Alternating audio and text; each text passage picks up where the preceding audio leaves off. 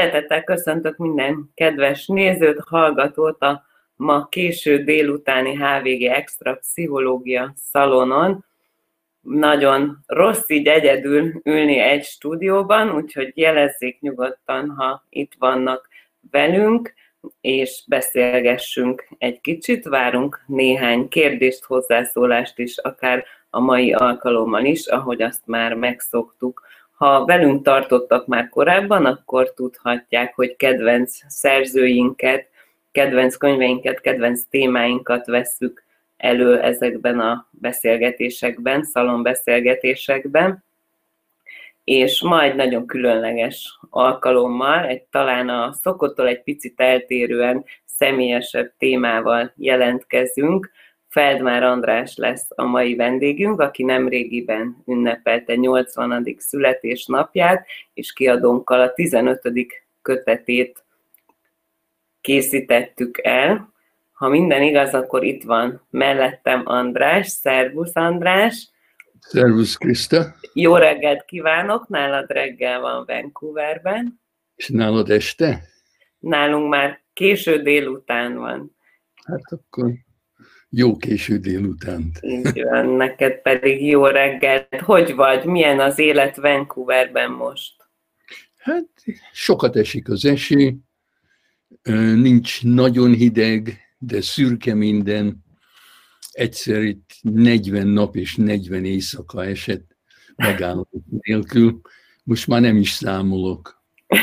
Tovább, hogy meddig esik. Még milyen a hangulat, hogyan éltek van karantén, vagy valamiféle? Csak maszkot kell viselni, és nem szabad túl sok embernek találkoznia, de nincs bizonyos helyeken van karantén, de én még mehetek étterembe is, csak messze ültetnek egymástól, és mindenki állarcban van. Így van. Hát nálunk nem ennyire fényes a helyzet, de nem ezért vagyunk ma itt. Nagyon sok boldog születésnapot kívánok ezúttal a hallgatók, nézők nevében is. Volt, akinek még nem volt alkalma felköszönteni téged. Köszönöm. Mond, szereted az ünnepeket? Szeretsz ünnepelni? Szeretted? Nem különösen. E, ez, ez a ahogy ez, ezt a születésnapomat ünnepeltétek,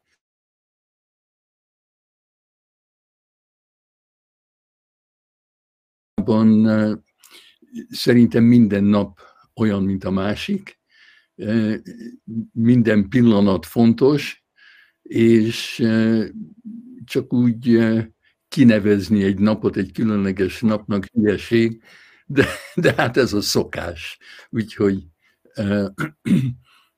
én általában születésnapi, meg karácsonyi ajándékot adok a családom belieknek májusban vagy áprilisban, amikor éppen találok valamit. De, de megjegyzem, hogy ez már a jövő karácsonyra szól. Ez nagyon jó módszer. Akkor nem kell mindig a egyszerre készülni mindenkinek. Nem, és akkor nem kell, hogy bűntudatom legyen, amikor karácsonykor éppen semmit nem adok, mert adtam már. Egész évben folyamatosan. Igen. Um, 80 év, hogy mondjam, uh, so, sok vagy kevés? Nem tudom. Nem tudom. Én, én emlékszem 16-17 éves koromban, amikor arra gondoltam, hogy itt egy 80 éves ember, hát akkor, akkor már gondoltam, hogy a halál küszöbén áll, és e, tulajdonképpen beszámíthatatlan, e, e, nem lehet vele beszélgetni, azt se tudja, mi van. Úgyhogy nagyon eltorzított képen volt az öregekről, de, de, de most minél öregebb vagyok, annál inkább látom, hogy minden, minden korban van valami jó. Most már az a jó, hogy abszolút nem kell elérnem semmit,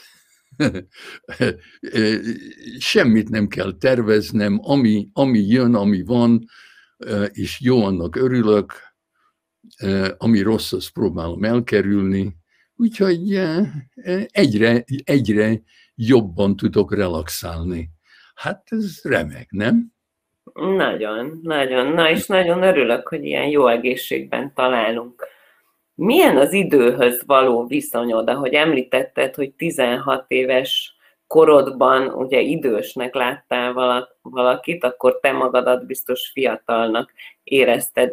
Emlékszel ilyenekre, hogy az idővel kapcsolatosan hogyan változott meg a, a viszonyod? Azt érzem, hogy a, minél fiatalabb voltam, annál lassabban ment az idő. Minél idősebb lettem, annál gyorsabban. Úgy tűnik. Uh-huh. Egy pár év most olyan gyorsan eltűnik, mint egy pár hónap 15-20 évvel ezelőtt. Úgyhogy van ez az érzésem, hogy egyre gyorsabban múlik az idő. A francia filmekben gyakran volt olyan, hogy egy ilyen naptár van, és a, a, a napok repülnek, valaki, mint a szakítaná le a napokat. Úgyhogy egyre gyorsabban múlnak a napok. Hát, hogy ez miért van, nem tudom. Ez, nagy, ez nagyon érdekes, de ez egy szubjektív érzés, ugye? Mivel próbálod megnyújtani, mivel töltöd a napjaidat? Nem, nem, nem próbálok semmit. Mondom, örülök annak, ami van, amíg, amíg um, oda tudok figyelni arra, hogy mi van körülöttem, és másokra, hát addig nincs baj, addig nem unatkozom. Uh-huh. Arra, arra nem gondoltál, hogy mondjuk az ember ennyi év munka után megérdemli, hogy pihenjen, és abba hagyta nem, nem, eszembe sem jutott.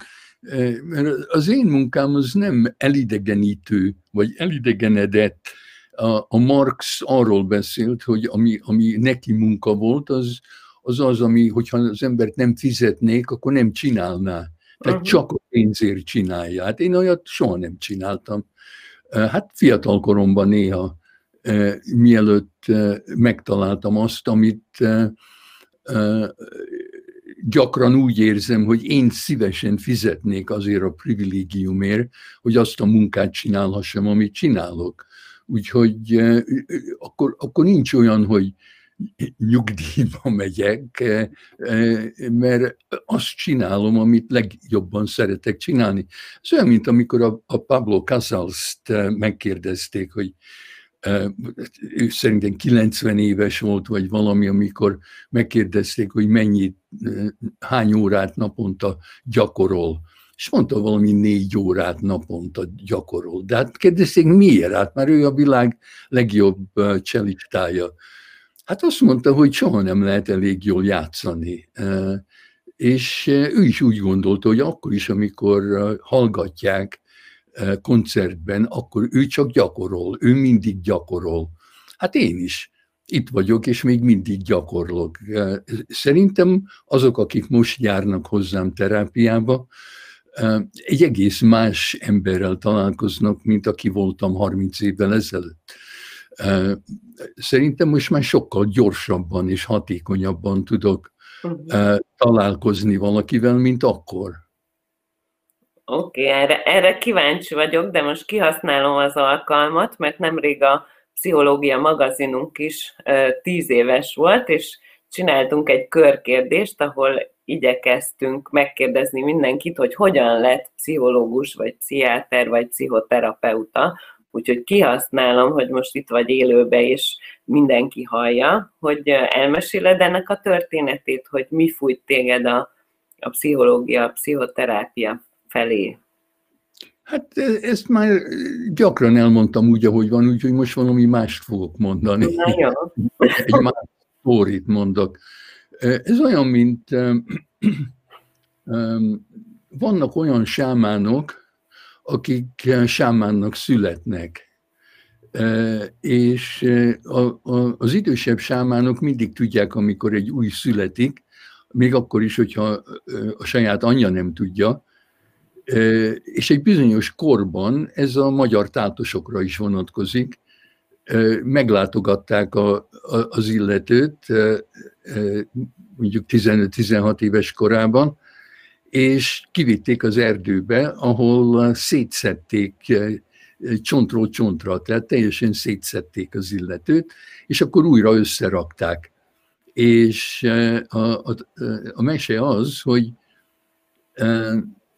miután újra életre kell, akkor lesz ő is beavatott sámán, és ahány csontja kimaradt az újra összerakás után, annyi csontos sámán ő.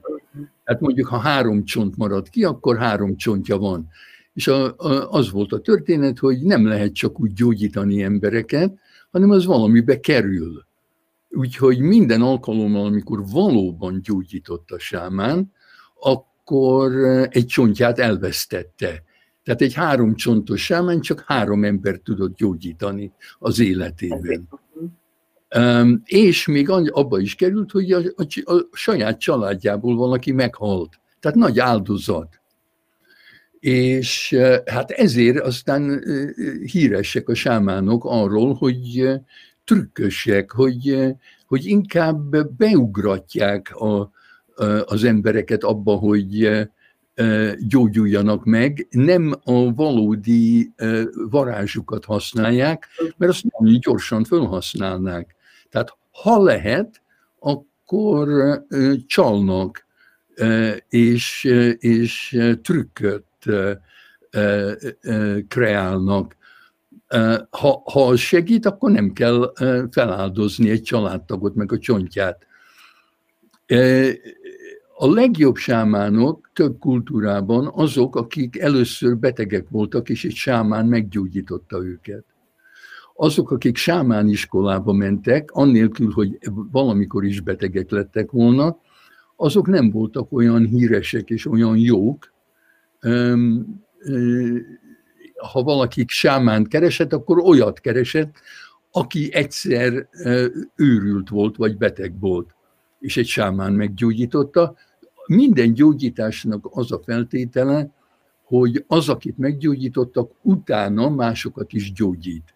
Ha ezt abba hagyja az illető, akkor, akkor megszűnik, akkor újra visszaesik a betegségébe. Uh-huh. Hát én nem azt mondom, hogy én sámán vagyok, de valahogy ez a történet itt-ott leírja az én karrieremet, én matematikus voltam, soha nem gondoltam volna, hogy engem érdekel a pszichológia, addig, amíg a doktorátusomért dolgoztam a Johns Hopkins Egyetemen matematikában, és nagyon boldogtalan lettem, egy házasságom fölborult, nem értettem, hogy mi van a világban és velem, Úgyhogy bementem a pszichiátriára, a Johns Hopkinsnak a világ egyik leghíresebb orvostudományi egyeteme is van, úgyhogy oda bementem, és leültem a fő pszichiáterrel, hogy segítsen, hogy mi van. Ott kezdődött el a, a karrierem. Ő azt mondta, hogy menjek haza vissza Torontóba, Kanadába, és ott jelentkezek pszichoanalízisbe. Ott találtam valakit, aki hetenként öt órát, minden nap, öt napon, öt nap egymás után, kb. kilenc hónapig jártam hozzá, uh-huh. így minden nap majdnem, és akkor jöttem rá, hogy sokkal érdekesebb dolgok történnek a lélekben, mint matematikában, legalábbis nekem érdekesebb volt. Úgyhogy akkor fordultam meg, és ja, arra is gondoltam, hogy az én analitikusom szerintem olyan hülye volt, hogy megengedte nekem, hogy elképzeljem, hogy én jobban tudnám csinálni, amit ő csinál, ha, ha megtanulnám.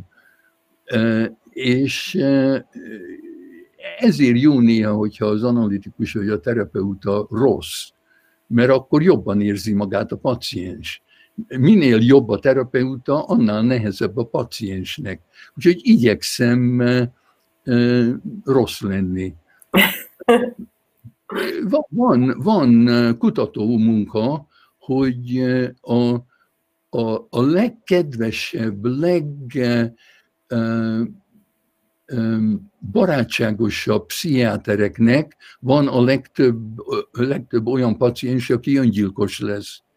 És a legdurvább, a legutáltabb pszichiátereknek soha senki nem öli meg magát.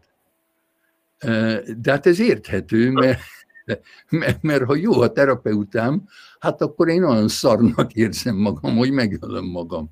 De hogyha a terapeutám egy, egy fasz, akkor örülök, hogy én, én, én egy jobb ember vagyok, mint ő. És akkor őt akarom megölni, ezért mondom gyakran, hogy a gyilkolás az szerintem megbocsájthatóbb, mint az öngyilkolás. Hm. Egészségesebb szerintem.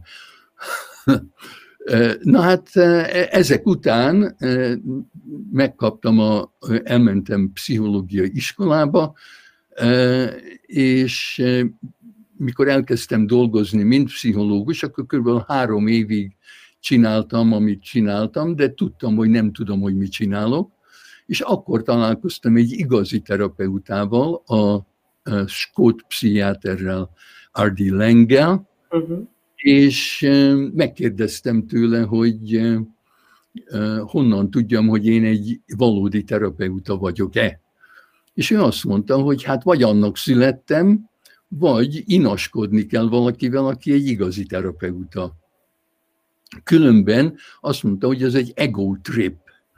Tehát, hogy nagyon könnyű terapeutának lenni, csak azért, hogy büszke lehessek arra, hogy mindenki hozzám jön, én meg nem megyek senkihez. Tehát én vagyok a kupac tetején, és mindenkit lenézek. De hát ha nem ezt akarom csinálni, akkor én gondoltam, én nem születtem annak, az, abba biztos voltam. És akkor egy, egy választásom volt, hogy elmenjek Londonba, itt hagytam Vancouvert, két kis gyerekkel, feleségemmel elmentünk Londonba, és akkor egy évet töltöttem vele, mint, mint inas, körülbelül heti hét órát voltunk együtt, így, úgy, vagy amúgy, és akkor rám ragadt valami abból, hogy eh, hát ezt hogy is kell csinálni. Aztán az ő, ő haláláig eh, eh, jó barátok és kollégák lettünk. Hát a többit már tudod. A, többit már, a többiről már sokat meséltél. Igen, az jutott eszembe most, mikor mondtad még az elején is, hogy ma már, ma már hatékonyabban tudsz dolgozni, hogy az ember, mikor elkezd valamit csinálni, akár iskolát végzett, akár belekezd valami dologba, akkor mindjárt jó akar lenni benne. Tehát, hogy, hogy, hogy te hogyan léptél ezeken át, hogy úgy érezted akár évekig, hogy, hogy nem vagy jó terapeuta, vagy nem tudod, hogy mit csinálsz? És hogy, hogy honnan lehet tudni, hogyha találkozik valaki a mesterrel, vagy, vagy olyan emberrel, akitől tanulni lehet? Nem tudom, ezt nem lehet megmagyarázni, ez egy olyan intuíció szerintem. Hogy lehet tudni, hogy akibe beleszeretsz, abba érdemese beleszeretni? Ezek mind misztériumok. De, de én mindig szem előtt tartottam a hipokráteszi esküt, ami az, hogy ne ártsunk nem az, hogy segítsünk. Uh-huh. Az, aki segíteni akar, az valószínűleg a pokolba viszi a másikat. Már abból, hogy segíteni akar, mert akkor ő a felentes, és a másik az alantas. Úgyhogy a, a nagyon bölcsen a Hippokratész azt mondta, hogy az, aki orvos, vagy az, aki másokkal együtt van, az arra vigyázzon, hogy ne tegye a másik életét nehezebbé, mint amilyen amúgy is. Tehát, hogy ne ártsunk, nem az, hogy segítsünk. Úgyhogy a, már a karrierem ele, elején is igyekeztem vigyázni arra, hogy ne bántsak senkit. Az, az, az ma is fontos, de akkor még azt hittem, a karrierem elején, hogy valahogy valami nagyot kell csinálnom, valami okosat kell mondanom, hogy megérje a másiknak azt a pénzt, amit fizet nekem. Aztán évtizedekkel később jöttem rá, hogy nem azért fizet a paciens, hogy én okosakat mondjak, hanem azért, hogy kussoljak. Azért, hogy ő rá figyeljek, hogy őt hallgassam. Nem, nem azért jön a paciens, hogy rám figyeljen, hanem azért, hogy én figyeljek rá. Tehát az egy nagy felfedezés volt, hogy minél kevesebbet teszek, annál jobb terapeuta vagyok. Uh-huh. És a Freud is rájött erre, ő, ő azt mondta, hogy amikor vége az analízisnek, és a paciens hálás a terapeutájának azért, hogy tudom én, hét évet töltöttek együtt, akkor valami még nincs befejezve, mert azt a transferenciának nevezte. Ő szerint a legjobb vége a terápiának az, hogy a paciens elmegy gondolva, hogy jaj, de jó, megoldottam a problémáimat a terapeutám ellenére. Uh-huh. Uh-huh. Hogy az sokkal jobb vég, mint az, hogy hálás vagyok a terapeutámnak, aki nélkül nem tudtam volna megoldani. Mert az egy függőség. A terápia végén a jó az, amikor a paciens elmegy, és tudja, hogyha más problémái lesznek, akkor meg tudja oldani önmaga az, az, arra nincs szükség, hogy azt tanulja meg a paciens, hogyha újra bajba kerül, akkor jöjjön hozzám újra. Az esetleg az én zsebeimnek jó, de nem neki.